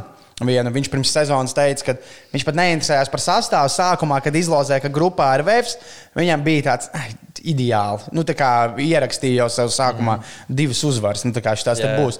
Ka- Kādas varbūt kādi ieteikumi, kā tādai komandai, kas bija tā, jā, vēlreiz tā panākuma atslēga, vai jums nebija spiediens, vai jums bija tieši kaut kāds naids? Rītā? Ka- Nē, eh, Bilbao spēlējot tajā Eirolandā, aizspēlēties tik tālu. Tas, ka jūs varbūt tās nenovērtējāt, un tas jūs sadusmoja. Vai... Nē, es domāju, nē, bet mums bija labs treneris, uh, Fotis Kacikas, kas viens no slavenākajiem grieķiem, ja NBA arī bijis. Mm. -hmm. Labs komandas un Viņš tāds uh, ambiciozs ir. un Mums bija ambiciozs sastāvs arī. Mums bija tie trīs uh, madridieši, atnāca Mumbru, Jā. Raul Lopes un Aksel Harvels. Tā kā tie iedeva tādu komandai, tad bija, tad bija jau pāris gadus, kas bija nospēlējuši es, Marko Baničs, uh, kas mums bija vietējais spāņi, bija tas Javis Salgado un uh, šis Pako Vaskes. Tā kā mums bija tāds. Jums bija arī leģendārs Eiropas amerikānis Dors Fišers. Bija komandā, Jā, arī. Diors Fišers bija jā, tajā gadā Eirolandes. Kurš arī pēc tam ir Valmjerā? Jā. Mēs atgriežamies pie Valmjerā. Diors bija, jā, un komandai bija ambīcijas. Un zāli uzcēla, jā, un tā mēs pārvācāmies no vecās uz jauno. Tur viss kaut kā labi tajā laikā. Jā, jā, un visi tie skatītāji, tur 12,000 sanāca, zin, tur pusfinālā pēc reāli. Tur bija tāda, nu, tāda atmosfēra vienkārši. Ārons Džeksons mums taču bija Jā. divas gadus ar Āronu nospēlēja kopā, jā, kur vēl tagad nu, sazinamies, sarakstamies un tā. Bet eh, tas, ko es paskatījos, vai varētu būt, ka jūs arī tomēr nedaudz jautājat uz pieredzi, jo, ja tā skatījās, tomēr, piemēram, tajā Eirolandes sezonā, nu, jums tur tajā komanda, nu, jūs nebijāt tāda, kur līderu lomas nespēlēja 22 un 23 gadīgi čāļi pārsvarā. Daudziem jau bija, nu, tev bija 29, daudziem bija 28, 29, Fischeram bija 30, Mumbru bija, man liekas, 33 gadi, vai tas arī bija tā, ka jūs ar kaut kādu, to- kaut kādu pieredzi un veco skolu Nu, sanācāt? tāds baisais, tāds, tāds žosks spēlējums, saka, nu, ka jau saka, tā, nu, tā asi, jā, mums bija bieži kautiņi, bieži tuneļos, bet Barcelona tur Bija kautiņi tunelīs- tuneļos, jā, par to- tunelī salēcāmies, tur bija kādi 5 pret 5, tur nu, tāda klopa bija, tur, tā, un es tur kaut ko pa vidu, un, uh, ja tur mumbru ar Harvelu, nu, tiem, tiem vienkārši visu laiku skāšķi, es ar Harvelu kāds, nezinu, kāds desmit reizes treniņos sakāvies. Nu, tā, kad uh, arī treniņos viņš arī nu, neļāva atslābt. Es no viņa varbūt arī to aizgūstu, kad katrā treniņā iet maksimāli kaulā. Un, Jā. un uh, arī mums tas vietējais pakovas, kas kam bija 37 gadi, un kas eh, man bija 29, zin, man būtu jā, man jābūt pa viņu labākam. Un Viņš, tād, viņš tāds otrais numurs nospēlējis kaut kādas 18 gadus ACB, viņš man iedeva nu, tādu. Tādu to, to, to stiprumu, tādu, nu, kad nekad nepadoties un vienmēr eh, uz tādu kašķi iet. Un, un, to, un, un, eh, mēs daudz uzvaras dēļ tā dabūjām, ka mēs ļoti agresīvi un visi baidījās pret mums spēlēt. Nu, kad Tunelī vienkārši iekšā. pēc Harvela neviens vienkārši negribēja spēlēt. Viņš iesildās un jau trešā runā arī ar uh, otras komandas tur kaut kādu spēlētāju. Un Vienkārši citreiz bija iesildoties tā, ka kad, uh, nu, citiem patīk, uh, nu, kad iesildies, uh, patīk pārkāpt pāri centra. Tad Mēs grūdām prom, zinu, lai viņi nekāp mūsu pusē, Oh, jā. Nu, zinu, visu uz, uzvelk tādu. Tur bija visu laiku skašķi. Tas atgādina šo te Detroitas Pistons. Jā, jā, jā, jā. Bad boy to. Jā, jā, bad, bad, mēs bijām sliktāka komanda, ķip vīri melnām, jo Ombra de Negro mēs bijām. Tā, nu jā. Vīri melnā, un, jā, un tie divi, trīs gadi bija nu, baigi. Jā, kad neviena, nu, visas komandas, pret kurām mēs spēlējām, pēc tam bija ar lediem un tā. Jo, Tad jūs citu komandu faniem, jūs nebijāt tā neitrālā nu, komanda. Jūs tur tā jā, jā, diezgan. es atceros, ka katru dienu bija apmēram svaros. Ja, nu, es, es sapratu, nu, ka vienīgais, vienīgais, kā es varu palikt Spānijā, nu, protams, man jāmet trojkas, ja, un, un jābūt vienam no labākajiem aizsargiem. Tos, tos četrus gadus es arī biju viens no top aizsargiem ACB līgā. Un, Un viens no tādiem agresīvākiem man visu laiku bija 4-5 piezīmes. ACB Viķis. Tas Nu, bija. jā, ACB Viķis, jā, jā. Bet, eh, Rekur jautājums. Atcerieties, ka aizgāja, ka mums bija Kristofers Jančēnoks. Viņš arī stāstīja par tuneļiem. Nu, par, viņš teica, nu, ka tuneļos gluži pirms spēlēm, nu, līdz kautiņam, nē, tur var būt vārda apmaiņa. Bet, rekur, tu minēji, ka tiešām tuneļos. Jā, jā, pat... finālā Barcelona tur var atrast, varbūt video kaut kur, un pusfinālā reālajā tuneļos bija. Bet pirms vai pēc spēles? Vai pusla... Pārtraukumā. Pārtraukumā tas notiek. jā, viens. un arī pēc spēles bija Barcelona. Jā. Ah, prāts. Tā kā rekā tomēr notiek tuneļos. Es jā, es, jā, jā, jā. Šo, šo es negaidīju. Man liekas, ka tomēr ir sportā tas, ka, nu, nu ieej tunelī, taču tur viss kārtībā. Jo tur jau laikam arī daudziem bija ko dalīt. Ja, nu, tam Mumbrū viņš jā, ir. Jā, nu, viņš bija teiksim, reālā nospēlējis daudzus gadus. Un dzīves Barcelonā. Jā, jā, jā viņam tur Barcelonā viņa neviens neieredzēja. Reālā kā zin, viņam ambīcijas vinnēt to. Harvels arī tikko no reāla atnāca. Zina, tāda stāra attitūda. Nu, zin, ka nu, ķipa, jā, jāuzvar un tā. Un tad bija, jā, mums kaut kā salikās viss tas kopā, kad tie bija tādi ambiciozi. Mēs bijām tādi vietējie, kas pavilkās. Nu, patika mums tas, tas, tas, tas ambīcijas un tas viss tas agresīvais. Un mēs kaut kā skatījāmies, izveidojot tādu labu kodolu. Mums arī nebija tāds viens līderis, bet mums bija kādi nu, 9, 10. Mēs bijām stabili vai pat 11 tādi rotācija. Tādi. Jā, es tieši to papētīju, ka tajā Eirolandes eh, gadā. Nu, Tur nu, visiem, kas tā regulāri bija spēlēt, nu, visi spēlēja desmit un uz augšu jā, minūtes. Jā, jā, jā, jā. Nevienam, jā, to, Bet to... tad nav dīvaini atnākt, piemēram, uz VF, kur tev katrā treniņā pirms tam ir kautiņi. Šeit neviens, man liekas, ka VF nezvai katrā nu, treniņā. Tā ir latviešu mentalitāte, ka mums tāpēc varbūt arī nu, ka mums, ne jau tiem kautiņiem, bet nu, kad, kad, kad dēļ, dēļ tā, ka, kā es izmainīju sevi, es arī izveidoju sev labāku karjeru. Mm -hmm. nu, jo, jo es kļuvu par citādāku spēlētāju, vairāk zinu. Tur, vairāk kaut kā nu, nezinu, tāds agresīvāks, bija tāds, tāds, tāds nu, zin, ārpus laukuma, nē, bet teiksim, pāri līnijai viss tev koncentrējas. Tas ir tavs darbs, tev jāizdara pēc iespējas labāk. Tu redz, ka tas strādā, un es, jā, es kaut kā to savu vārdu tā arī uztaisīja. Bet tās attiecības ir tā, ka joprojām viņas ir ok, arī komandas starpā ok, treniņš ir treniņš, mēs te nevienu, neviens nevienu centimetru neatdos. Jā, jā aiziet aliņi iedzēt normāli, viss tā kā hokejā tāpat viņi iz, iz, izkaujās un, un kaut kā, nu, zinu, daugaviņš vai ko tur ar to kultu. Ar kultu? Izkāvā, pēc tam aiziet ie, ie, iemauc aliņu. Ne, nu, šis, ir, šis ir aprakstīts Sandu Ozoliņa pirmajā grāmatā, man liekas, Haizivs saucās. Tas Sandi Mozoliņam bija tas pirmais šoks Amerikā, jo, nu, PSRS jau nebija tie kauši, kad izskaujās pēc spēles, un tad viņš ieraudzīja, ka tie divi, kas izkāvās, viņi barčakā dala rīkstiņus un to pičara alus kopā dala un pārunā kā bērniem, iet kā sievietēm. Bet, eh, un jā, tad vēl pēdējais Spānijā. Kāda ir Spānijas tā? Labi, Lietuvā tas ir jau tāds, nu, tur fano, nu, tur ultra žēlgi ir Spānijā. Es esmu dzirdējis, ka tur ir arī diezgan interesanti, jo tur faniem tā arī nav tikai spēle. Cik es sapratu, Spānijā ļoti agri jau uz arēnām. Uh... Jā, jā, viņi iet jau kaut kā divu, divu, divas stundas iepriekš, jau aiziet tur kaut kur tūmā, parasti kāda basketbola kafejnīca vai nu, vienkārši. Tur viņi uzēda tapas, iedzer kā dēlu, apspriež kaut ko, tad pēc spēles jau sarunājuši, ka ies vakariņās. Nu, viņam viss tas, nu, tas ir sestdienas process. Jā, jā, jā. jā ja teiksim, Spānijā bieži spēles notiek 12.30, tad ir tā, ka viņi satiekās no rīta uz kafiju ap 11. tur uzēd kādu. Kādu, kādu maizi vai ko, tad nāk uz spēli, nofano, un tad mm. pēc tam parasti iet pusdienās. Viņi tajās lielajās, tur, kur vēl divas stundas sēž. Nu, pa lielam viss tā diena ir pagājusi. Tu aizies sešos mājās, nu tad jau tur. Bet arī es esmu dzirdējis, ka tur arī var Spānijā redzēt, nu, ka Vai nav, kas tu esi tajā ārpus tās fanošanas? Tu tur Zaragozā varbūt nezinu, 60 gadīgs, labākais pilsētas advokāts, bet, ja vajadzēs, tad tu spēlē vidējo pirkstu no garderobas. Tas nu, neliekas rādīt. Tā, viņi tur diezgan karstīgi. Nu, jā, esmu... jā, viņi ļoti karstīgi. Viņi tur ies uz tiesnešiem un, un aizstāvēs savu komandu ļoti. Bet gan jau tu pats par sevi arī daudz ko esi dzirdējis no tribīnēm. Nē, à, nu, pretinieku jā. laukumā, jā, jā pretinieku laukumā regulāri. Jā, jā, jā tur Madridē, Barcelonā, kur lielie derbiji ir, vai Basku derbijas, Basku derbijas vienkārši ir.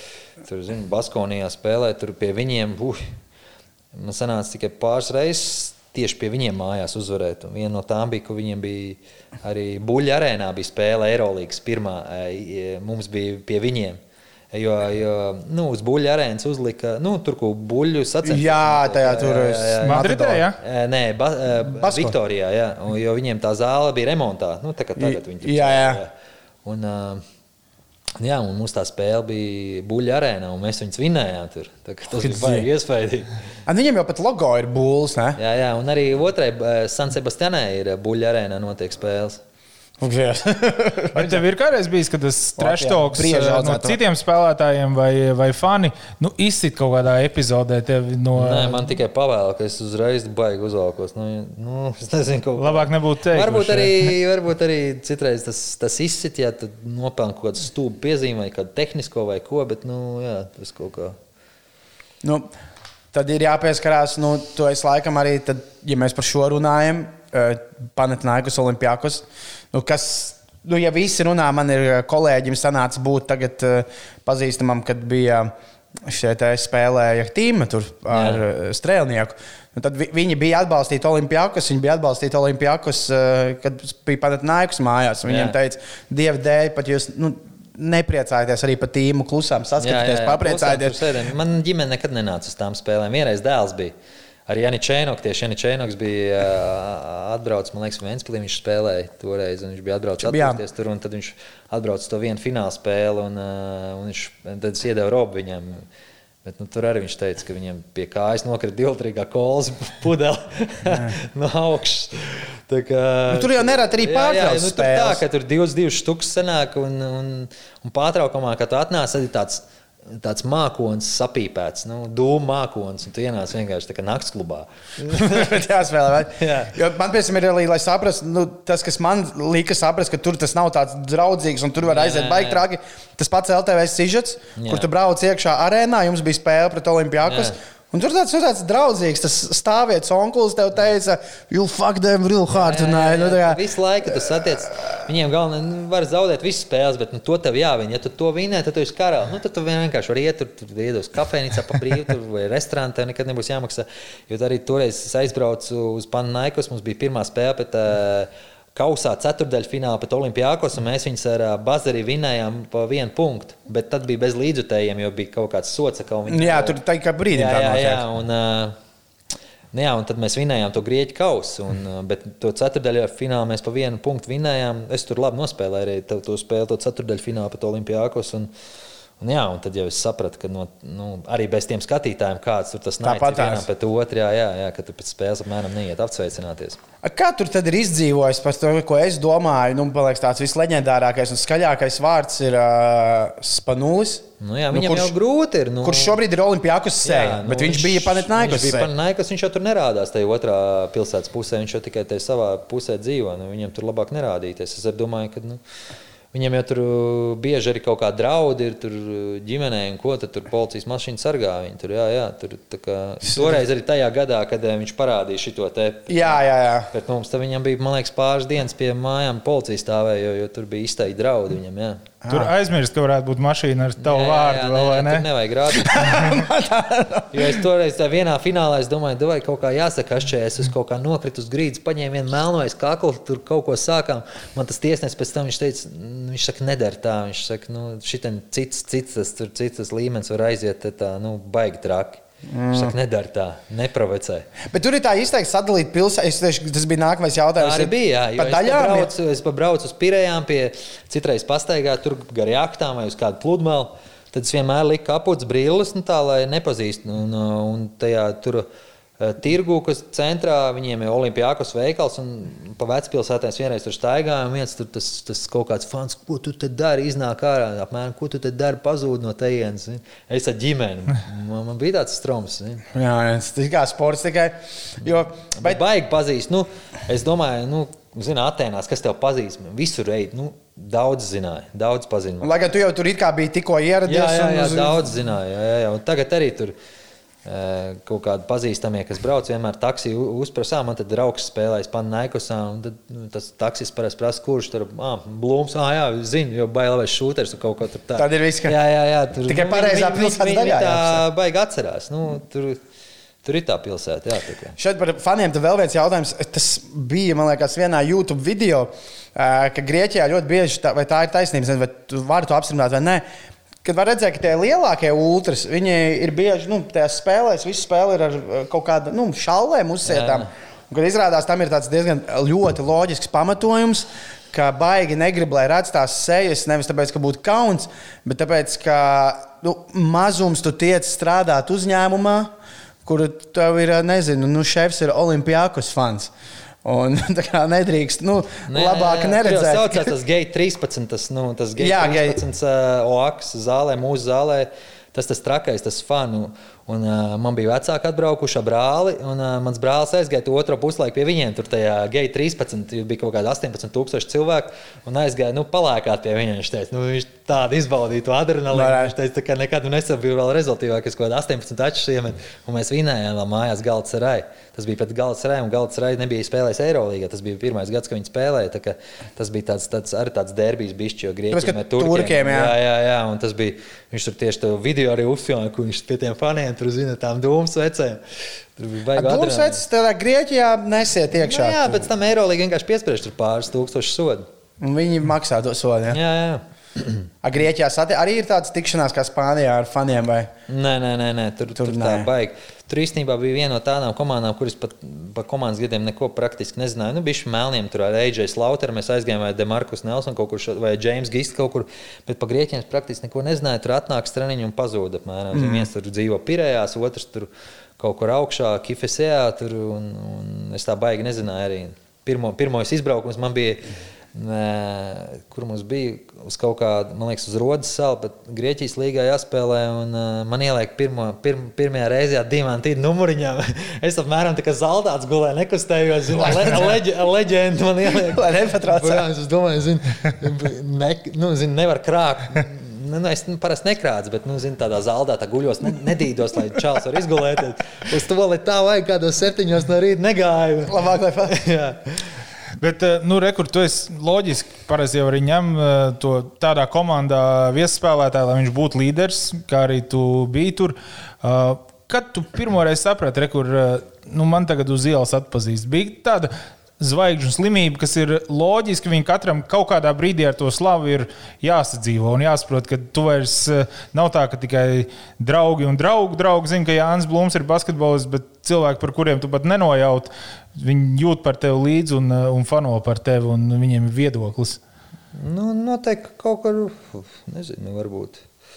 Es nezinu, zvaigžņu šī noteikti katram bija kaut kāda, tur, ka viņš ir baigais apmēram. Varbūt man bija tāda vairāk jaunībā, ka es biju. Nu, tad... Bet nevar būt, ka tev, es, es tāds domāju, ka man liekas, tas pirmais gads, kur tev tā vairāk atpazīst, jo mēs vispār to tā kā palaidām, bet tā atceroties, nu, tavs gads Vēnspilī jau arī, jūs jau Uleb, arī Eirokausā spēlējāt. Uleb, ne, es domāju, ka kaut kāds konto varēja būt. Tad, à, kad... Mēs tur, zin, tur Valters, Janičēnoks, zin, tajā mēs tādi it kā populārāk kļuvām Rīgā. Zin, tur basketbolisti, ķipa, tur nu, nu, varbūt tāds - paspēja jau to jau šeit Latvijā. Jā, gājām tur iekšā bez biļetes. Un, kā kundziņa. jā, jā, jā, un tur ārēm bija, tur tajā zālītē, tur normāli. Varēja atpūtāt. Bet ar citu par latviešu citiem basketbolistiem beidzot izdzēs, jo par šo laiku uh, Panathinaikosā uh, sociālās vietnēs. Nu, Kristaps Valters vēl joprojām apgalvo, ka uh, ir, ir teicis, ka tu viņam nocēli vietu Panathinaikosā.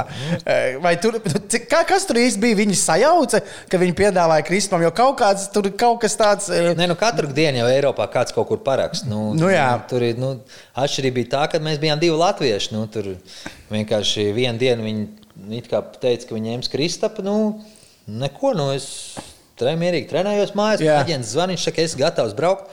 Es saku, jā, nu, jo tas bija tieši tas gads pēc kvalifikācijas izlases, kuras rītīgi nu, labi nospēlēja un arī bija labā formā. Un, uh, es saku, jā, nu, viņš saka, uz Panaikos. Es saku, jā, bet tur Valters nebrauc. Viņš saka, nē, nē, viņiem tur mainījās vispār nakti. Mm -hmm. viņi, iz, viņi izdomāja, ka viņi ņems tevi tomēr. Es saku, nu labi, jā, viņš atsūtīja līgumu. Es parakstījos jau apmēram vakarā bija lidmašīnā. Es arī Kristupam uzvanīju toreiz. Es pateicu, nu, ka es nezinu, kas jums tur notiek. Visi ir profesionāli. Es, tur, es saku, nu, man tāda iespēja piedāvāja. Es nezinu, kas tev tur nojauka, bet nu, es braucu. Un, kā, tur nekas nebija tur slēpjams vai nekas. Tur. Nē, nē jau baumas internetā klīst, ka viņš tur kaut ko sacepās internetā. Nu, tas, tā ir viņa problēma. To, nu, tas viņam gadās. Tas jau, jāuzpras, kā, tas jau jāsaprot kā profesionāli. Ja es būtu kaut kāds serbs, tad neviens tam nepievērst uzmanību. Mēs divi latvieši līdzīgas nu, jā, pozīcijas. Divi, divi, tā jau ir tā. Nu, tu jau esi. It kā mēs esam, bet nu, tāpat tajā pašā laikā katram basketbolistam ir konkurence. Nu, nu, tāda ir tā profesija. Nu, tā kā, tā kā toreiz tā sanāca, nu, ka it kā nostrādāja pa labu man, bet, uh, bet nu, tas jau jāsaprot profesionāli. Vienkārši- Katru dienu kaut kur notiek NBA, tad jau var jāapvainojas ar džekiem, ka tur vienu dienu treido, vienu dienu nē, vienu dienu Gan jau, ka tā arī ir.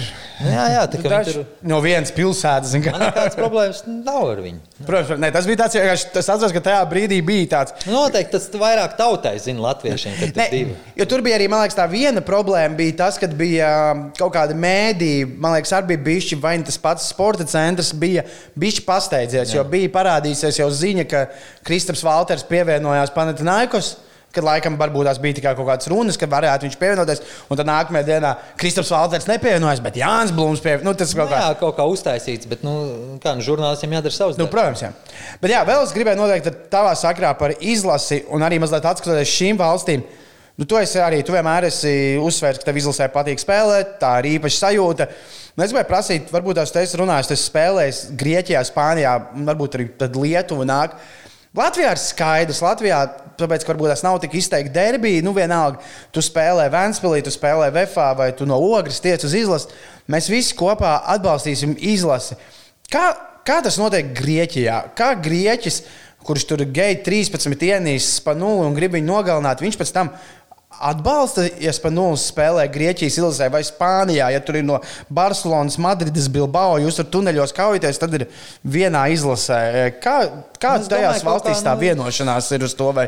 Ot, Šis ir labs jautājums. Jā, es it kā neesmu tā baigi runājis, bet it kā nu, atbalstu viņam tomēr labi Nu, nu, sasniegt grieķiem. Jā. Jā, un, un, un viņi izcīnīja tur pasaules čempionu. Olimpiādē bija otrā vieta kaut kas tāds. Un, un ne, labs. Spānija, Spānija jau tāpat, nu, viņi jau saprot, nu, ka tas ir teiksim, klubs, bet nu, tad viņi atdala to ar izlasi, jo tomēr nu, izlasi tas ir kaut kas cits. Nu, un, uh, varbūt Grieķijā vairāk tur es domāju, ka grūtāk viņiem tur atbalstīt. Nu, es domāju, ja tu esi jā. draudējis pa nulli nogalināt, jā, jā, dienu vēlāk. Jā, jā, jā. Oh. Spānijā tur es domāju, ka nav varbūt tik traki. Ja, tur tomēr Gazols tur sit pirmo violi. Un, Jā. tā, tie varbūt tādi. Un NBA čāļi tomēr jā, bija. jā, NBA čāļi, jā, jā, bet uh, tur, ja tur uz panulis, es domāju, ka tur ir tā.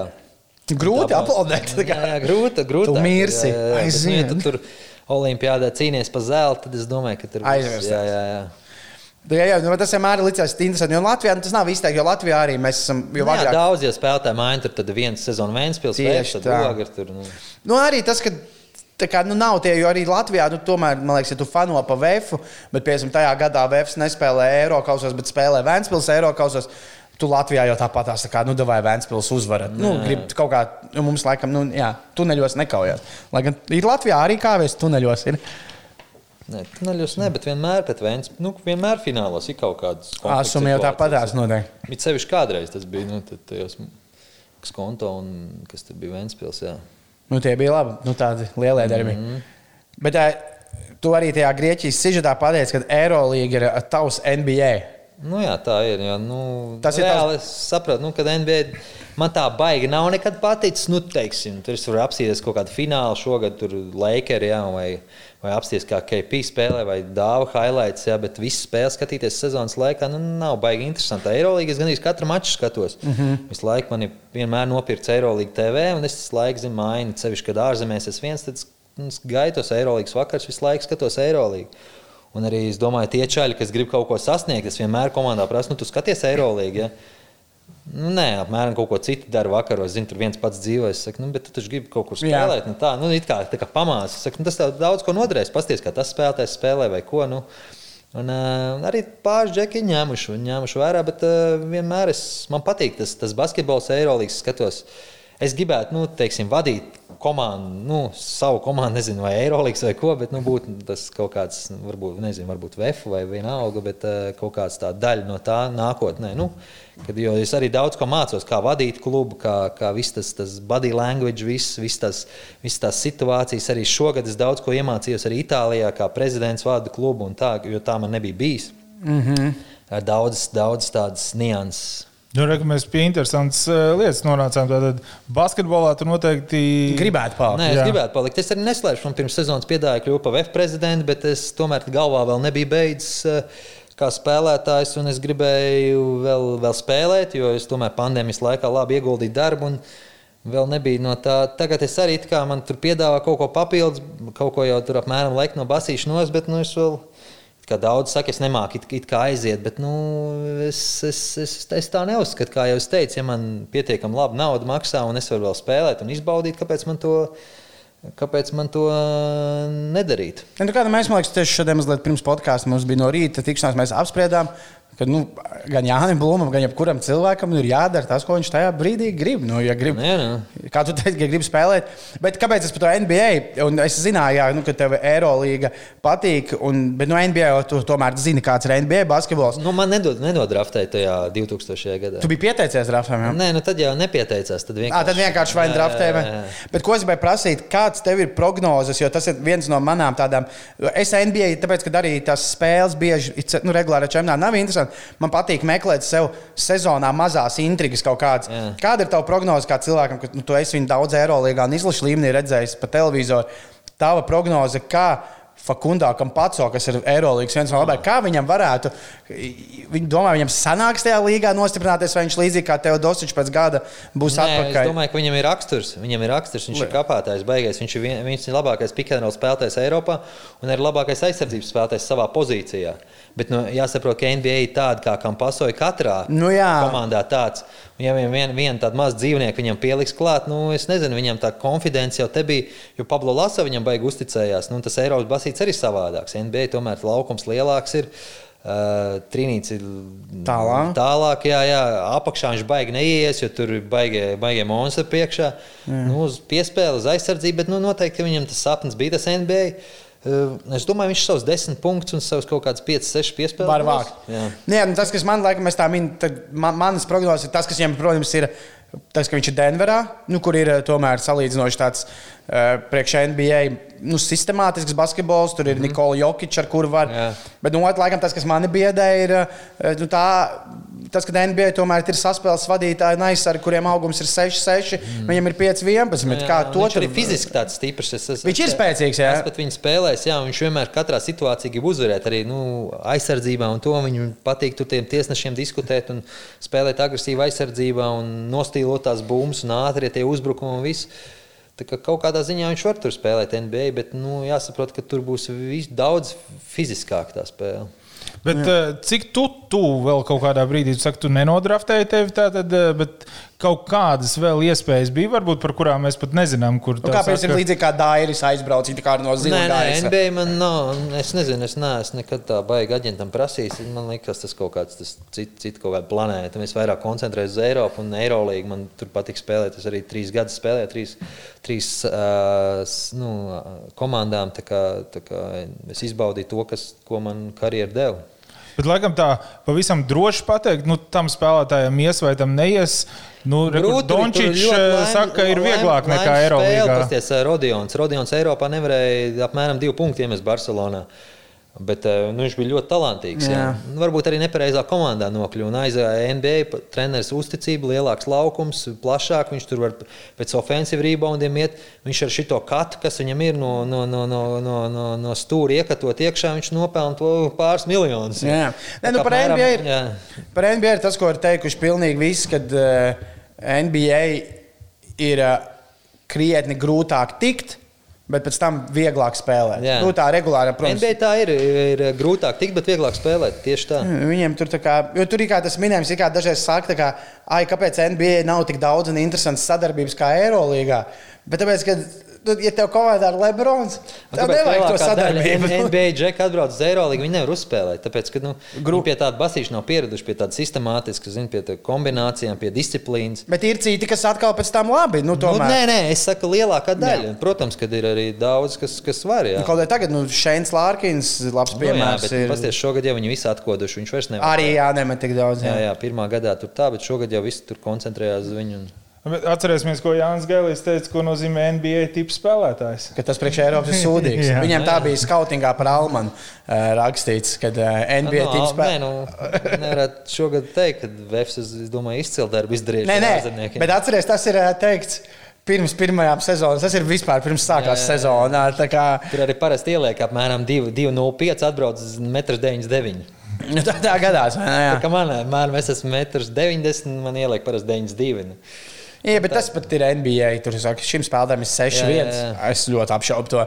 Bet kā vispār sanāk, arī VF paskaties tagad šo zonu? Es skatos, jā, nu, Champions League skatos, man ļoti patīk, kā Champions League spēlē. Ļoti labi ārzemnieki ir un, un, un tas komandas tāda rotācija, tur tie 7, 8 spēlētāji. Nu, teiksim, tā ir Champions League. Un, un, nu, kā jau teicu, Gailīts ir noteikti viens no, no, no, no top treneriem tagad Latvijā. Es domāju, ja viņš tur pāris lietas sevī labos, tad viņš varētu būt Eirolandes treneris nu, kaut kad nākotnē, vai vismaz VTB labas komandas treneris. Viņam potenciāls ir milzīgs, un, un, un, un, un arī komanda labi ir uh, uztaisīta šogad. Jā. Kā bija spēlēt, tur pie Jāņa Gailīša? Šo, man šo jautājumu patīk visiem šādiem spēlētājiem prasīt. Eh, kā ir spēlēt pie trenera, kurš ir jaunāks par tevi? Kā, tas ir kaut, ir kaut kā bišķi jāpārkāpj. Tas vai nē? Kā tas tā profesionāls. Nu kā, ja tu tas profesionāls, tu dari, ko tev treneris saka, un tu neskaties, cik viņam gadu, vai viņš ir mm -hmm. jaunāks vai vecāks. Vienīgais, nu, atšķirība no laba trenera ir tā, kas, kad, kad, kad spēlētājs viņu ciena. Un, vi, un, un treneris savas dusmas izgāž, nevis izgāž, bet viņš māca pasniegt. Mm -hmm. Pasniegt profesionāli un caur to problēmu, kas ir nevis personīgi aizskart. Un, ja tu aizskar personīgi, tad spēlētāji vairs tev, ne, tev neciena. Un, un, un tur tā problēma, kad, kad, kad, nu, kad nu, bieži vien tā problēma ir. Un, un, un, un, un, nu, jā, un tā, kā, tā, kā, tā, kā, tā, kā, nu, tā atšķirās teiksim, treneru tā kvalifikācija. Tev ir tāds fantāzijas jautājums. Viena sezona tev ļauj izvēlēties, skaitot jaunatnes līgu, skaitot izlases, jebko nospēlēt pie, pēc tavas izvēles vēl vienu sezonu, jebkura trenera, kas ir bijis tev eh, karjerā, tu izvēlētos, ko to Bilbao treneru vai? Nē, nē, nē. Pie kā tu nospēlētu pēdējo, ja te būtu tāda točna izvēle, kad var pēdējo gadu spēlēt pie kā vien vēlās? Varbūt Duško Ivanovičs. pie viņa, jā, kāpēc? tāpēc, tāpēc, ka es ne, pie viņa neizlaidu nevienu treniņu, nevienu spēli sezonā. Okay. Es kā aizbraucu, es kā aizbraucu tā Tā, viņš man arī viņš viens no trakākajiem treneriem Eiropā ar to serbu skolu. Viņš tev bija. Basko, kur, viņš man bija Panaikosā. Viņš tagad ir Baskonī Artūram, kuru. Jā. Un es jau kurucam teicu, nu, kad eh, tev būs jāizkapā tās minūtes, ka viņš neviena, ne, nu, viņš nevienam atlaides nedod, vai tu esi zvaigznes vai nē, un, eh, un tev būs caur darbu jāpierāda. Un, kad Duško, Duško pēc sezonas viņš man pateica, ah, nē, mums sanāca, ka mēs zaudējām pusfinālā, ne jau pusfinālā, bet zaudējām Olimpijākosam. Viņi atlaida pēc tās spēles, kur bija tas video. Jā. Un nākamā dienā atlā, atlaida viņu, un tad viņš atnāca uz ģērbtu. Viņš man teica, nu, ka es esmu liels profesionāls. Tas man bija tāds lielākais kompliments no viņa. Bet, viņš jau Eiropā ir. Jā, jā, jā bet viņš ir nu, kā topā. Viņš tikko izcīnīja ACB līnijas čempionu titulu Baskonī. Viņš cik nu, 11 gadus jau Baskonijā ir. Arī Himkos un Panaikosā. Un, nu, tāds viens no top treneriem tagad. Bet viņam tā old school ir. Viņš, nu, nu, tā old school, tā treniņa metode. Pagaidiet, viņš bija. Es esmu laikam jauts viņu vēl, vai viņš ir izskatījis ziņā. Viņš ir tos, to, tur astīt, jā, jā, jā. bijis astīt, jā. Un kā sauc vēl to otru? Kurš Pesič? E, e, kur, nē, kuram bija pagājušajā gadā Barcelonā? Kuram ir iesauka Mr. Beans vienam basketbolam. Labi, es tagad jau, nē, bet Diškai Nāviņš ir viens uh, lokomotīva kādreiz trenē. Labi, neko. bet ar bīzi ir Diškai. Tādā tas ir tava izvēle, jā. Pie kā nospēlēt. Jā, jā. Super. Tad varbūt tās jācer, ka Moškas Diškoja nav viņš kaut kur Latvijā trenēs. Viņš jau mēs... bija, viņš bija ar Himkiem pret Vēfs. Ar Himkiem pret Vēfs spēlējis, jā. jā, jā. Nu, tad eh, es nezinu, tev ir Edgars vēl kāds uh, noslēguma jautājums uh, sakrā. Noslēdzošais jautājums varbūt nu, mēs jau negribās visu laiku lekt priekšā tiem notikumiem, bet varbūt arī kādreiz būsi treneris. Apskaties, nē, nē, daudzi tre, treneris. Tev komandas biedri jau Latvijas izlasi paspējuši patrenēt. Nē, nē, nē. Pagaidiet, ah, nu Štelmachers. Es treneris, nē, es, es ceru, ka varbūt kādreiz, es nezinu, būšu atkal kaut kā, kaut vai tajā pašā vefiņā, es gribētu būt viens no, teiksim, no, no, no klubu, teiksim, palīdzēt klubam nokļūt vēl, vēl kaut kur augstāk spēlēt un, un darboties kā kluba darbiniekam vai kaut kā tā, kaut kādā amatā. Tā tas es, es noteikti gribētu basketbolā un, un, un kaut kāds ģenerālmenedžers vai kaut kas tāds. Tas man patīk, man, man patīk sarunāt lietas. Kaut kādas, es arī, kad spēlēju Vēfiņā, kaut kādas finanses varēju piesaistīt un kaut ko tādu. Un, Un patīk kontakti, visur man kontakti ir Eiropā. Es kaut kādu tādu, tā, nu, kā to negribētu slaist garām, jo ja tādas, tādas, tāda nu, gara karjera bijusi ar daudziem kontaktiem Eiropā, tā viņas vajadzētu izmantot. Tā kā noteikti es sev redzu nevis kaut kur politikā, bet vairāk, vairāk Basketbol. basketbolā. Jā. Bet kāpēc, te, kāpēc tā kategoriski ne treneris? Nē, nu tas ir baigi, savu- baigie nervi un trenerim baigā atbildība. un Man, mēs, man jau tā tie nervi sačakarēti. Pa 22 gadiem spēlējot. Ok. spēlējot un, uh, es tur pamēģināju NBA junior līgā, tur dēlu komandu patrenēt. un Bija baigi, baigi, baigi nu, baigās emocijas. kā- Saprat, ka nē, jā. Bet, eh, bet kā kluba teiksim, vadītājs vai kaut kā tā, es redzu, nezinu, nu, kaut kur man jau piedāvāja tagad. Eh, Citās Eiropas valstīs, bet gribētu noteikt, ka Latvijā labāk. Bet tad tev, kā Gaidām tēvam, ir, saldu. kā ir skatīties spēles, nav. Tu neesi no tiem Nu, ir. tēviem, kas grib Nē, mācīt tur- no malas. Un... Nu, es pēc tam viņu kaut ko ja, pasaku, bet es nekad tur nebļauju no malas. Apmēram tur skrien, tur vai tur vai tur. Es tā apskatos mierīgi, un tad, tad mēs izrunājam mājā nianses. Izrunā mājās. Ja? Mm. -hmm. Ai. Bet dēlam tomēr viņš eh, trenējās Latvijā, vai ne? Jā, jā, jā DSN spēlē. Jā. Kā ir? Es ar viņu runāju, viņš jau tādā nu, pietiekami sakarīgā vecumā. Kā ir Latvijā? Tas ir kaut kāds uh, sloks, nasta uh, vai atkal kaut kāds plus bonus atbildība Latvijas basketbolā trenēties ar uh, nu, tādu uzvārdu, būt blūma dēlam vai kaut kā. Tur tas nav traucēks, vai tieši varbūt Nu, palīdzība. Nav traucējis. Nē, nu, viss redz, ka viņš daudz trenējās. domāju, nekā... Tas viņam iedzimts ir. Jā? Jā, jā, jā, viņš es domāju, ka nu, viņš to pēdējo gadu, not, pēdējo gadu notrenējis vairāk pa manīm. Un, uh, un viņam, viņam ir savas kaut kādas ambīcijas. Viņš sastāv pats nedēļas plānu, kādu viņš gribētu trenēties. Katru dienu apmēram tur saliek divas treniņas, un visas tikai akceptēja, jā, to tu varētu, to tu varētu, tad pie tā trenēt, tur un tur, vai papildus, un visu laiku papildus. Un, un, uh, jā, un viņš grib, grib, grib, stād, grib strādāt, viņam ir tā, nu, tas, tas, tas kaut kāds tas, tas feelings. Es domāju, tas ir. Ē, Tas, nu, nu, tev ir no saldas runa. Varbūt tev vajadzētu izveidot saldu, beidzot, atkal labu LBL viens komats. Nu, tur es domāju, ka tur ir pietiekami, pietiekami gudri cilvēki. Tur ir Edgars Buļs, kas tagad pārņēma saldu. Man ir brālis, tur darbojās. Viņš ir ā, salds domē, tur, ā, tur viens no vadītājiem. tā Viņš tur arī to kom komandu pakontrolē. un Noteikti es aizdiešu saldu pēdējo spēli. Tas, tas, Tas noteikti ir, jā. būs, Tā tad būs atvada spēle. Bet saldums, ar citu, arī bez atvada, neatvada spēlēm, spēlējot LBL 2.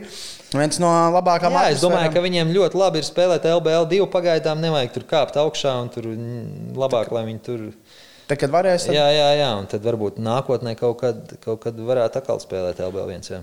Nu, super, tad uh, gaidām pirmkārt tev jaunums, uh, lai tev šo sezonu izdodas vēl īstenot savu visu labo formu, kamēr grib spēlēt. Un tad jau gaidām, kad ar dēlu uzspēlēs vienā komandā kā Valtteri.